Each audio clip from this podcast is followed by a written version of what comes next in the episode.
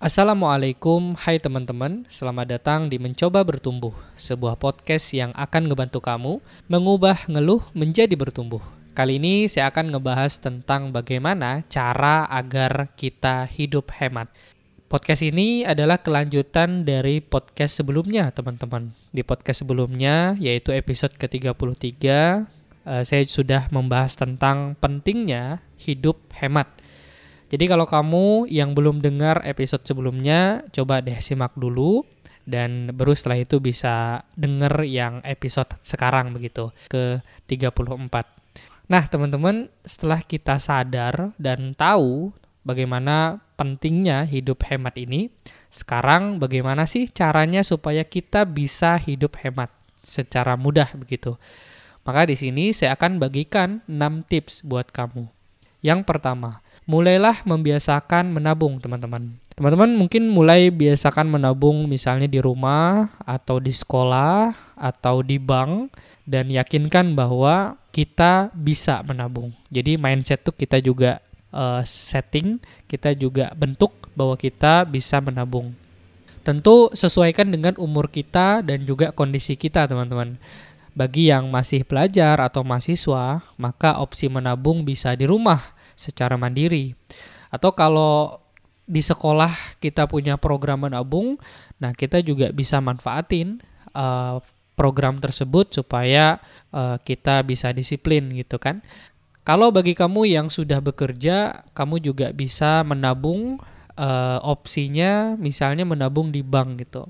Selain tentunya lebih aman, kamu juga bisa menabung dalam jumlah yang banyak, teman-teman. Jadi Menabunglah mulai dari sekarang sedini mungkin dan petik manfaatnya kelak begitu ya. Yang kedua, membuat skala prioritas. Jadi teman-teman, kalau kita dalam uh, berbelanja gitu ya, sering kali memang offside gitu atau overload gitu. Maka kita buatlah skala prioritas atau target-target tertentu di dalam uh, aktivitas belanja gitu. Dari mulai kebutuhan harian, uh, mingguan, bulanan sampai dengan tahunan. Kan setiap kita pasti punya kebutuhan masing-masing kan teman-teman yang harus kita penuhi dan kebutuhan itu bisa berupa tadi harian, mingguan, bulanan bahkan tahunan. Dan masing-masing aspek itu kan ada kebutuhannya masing-masing yang harus kita penuhi. Misalnya kalau harian mungkin uh, uang makan, uang transport mungkin kan atau uh, uang kuota, belum lagi mingguan gitu kan uang bensin, biaya cicilan dan sebagainya kalau ada tagihan-tagihan tertentu. Jadi uh, ketika kita buat target atau prioritas, maka kita sudah tahu tuh teman-teman apa-apa saja uang yang akan harus kita keluarkan uh, untuk kebutuhan kita. Yang ketiga adalah catatlah seluruh penggunaan uang yang telah kita belanjakan. Jadi uh, apa pun yang kita belanjakan sebaiknya dicatat teman-teman sebagai bahan untuk kita evaluasi di akhir bulan gitu. Biasanya kalau di akhir bulan itu kan uh, momen yang pas bagi kita untuk mengevaluasi terkait pengeluaran dan pemasukan kita. Kalau saya pribadi saya tuh suka menerapkan ini teman-teman dan saya pernah kaget gitu kan ternyata ketika dievaluasi ternyata saya boros banget gitu dan ketika boros, kadang nyesel karena uang habis ternyata lebih banyak habis karena keinginan bukan karena kebutuhan. Oleh karena itu saya kemudian mencoba lebih baik lagi setiap bulannya supaya bisa lebih hemat lagi. Oleh karena itu buat teman-teman boleh nih jadikan tips ini uh, diamalkan dan kamu bisa tulis misalnya pengeluaran itu di catatan di HP atau kalau ada buku khusus kecil yang memang disiapkan itu lebih bagus lagi gitu untuk mencatat pengeluaran kita.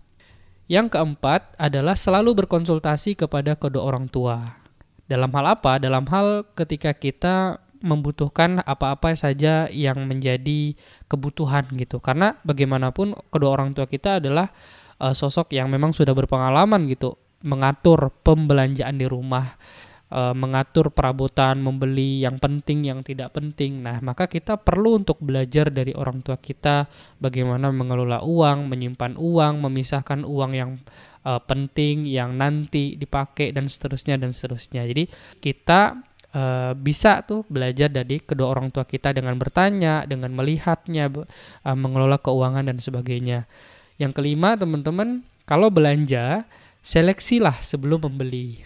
Maka kita akan menjadi pembeli yang cerdas. Karena kalau tidak, semuanya dibeli begitu saja tanpa melihat uh, apa namanya harga gitu ya. Uh, jadi beli menyesuaikan dengan uh, kebutuhan, kemudian menyesuaikan dengan uh, keuangan yang ada gitu sehingga betul-betul apa yang kita beli itu betul-betul bisa dirasakan kebermanfaatannya begitu teman-teman. Dan yang terakhir yang keenam adalah diskusikanlah dengan teman atau mentor jika sifat boros kita sudah kambuh gitu. Karena sering kali memang walaupun kita sudah coba terapkan tapi yang namanya godaan gitu ya untuk ngajak ngumpul oleh teman, diajak nonton bioskop oleh teman, sering kali memang kita nggak enakan, akhirnya kita ikut aktivitas senang-senang tersebut dan mau nggak mau kita keluar uang dan sering kali kita kelupaan gitu kan, uh, dan dan banyak uang itu keluar sehingga ketika hal itu terjadi butuh teman kan atau guru yang uh, kita anggap orang yang kita percayai untuk kita konsultasikan juga gitu selain konsultasi kepada kedua orang tua. Tentang apa? Tentang bagaimana uh, cara mengatur uh, keuangan gitu. Jangan sampai terlalu kebablasan atau overload tadi gitu ya teman-teman. Oke itu silahkan komentar jika kamu rasa menarik dan kalau kamu ada pertanyaan untuk dijawab di podcast Mencoba Bertumbuh, boleh banget silahkan DM di Instagram at rudini underscore stay. Serta kalau kamu suka dengan podcast ini jangan lupa kasih review bintang 5 ya di Spotify supaya tentunya saya makin semangat buat ngebagiin hal yang bermanfaat ke depannya. Thank you for listening. Bye bye.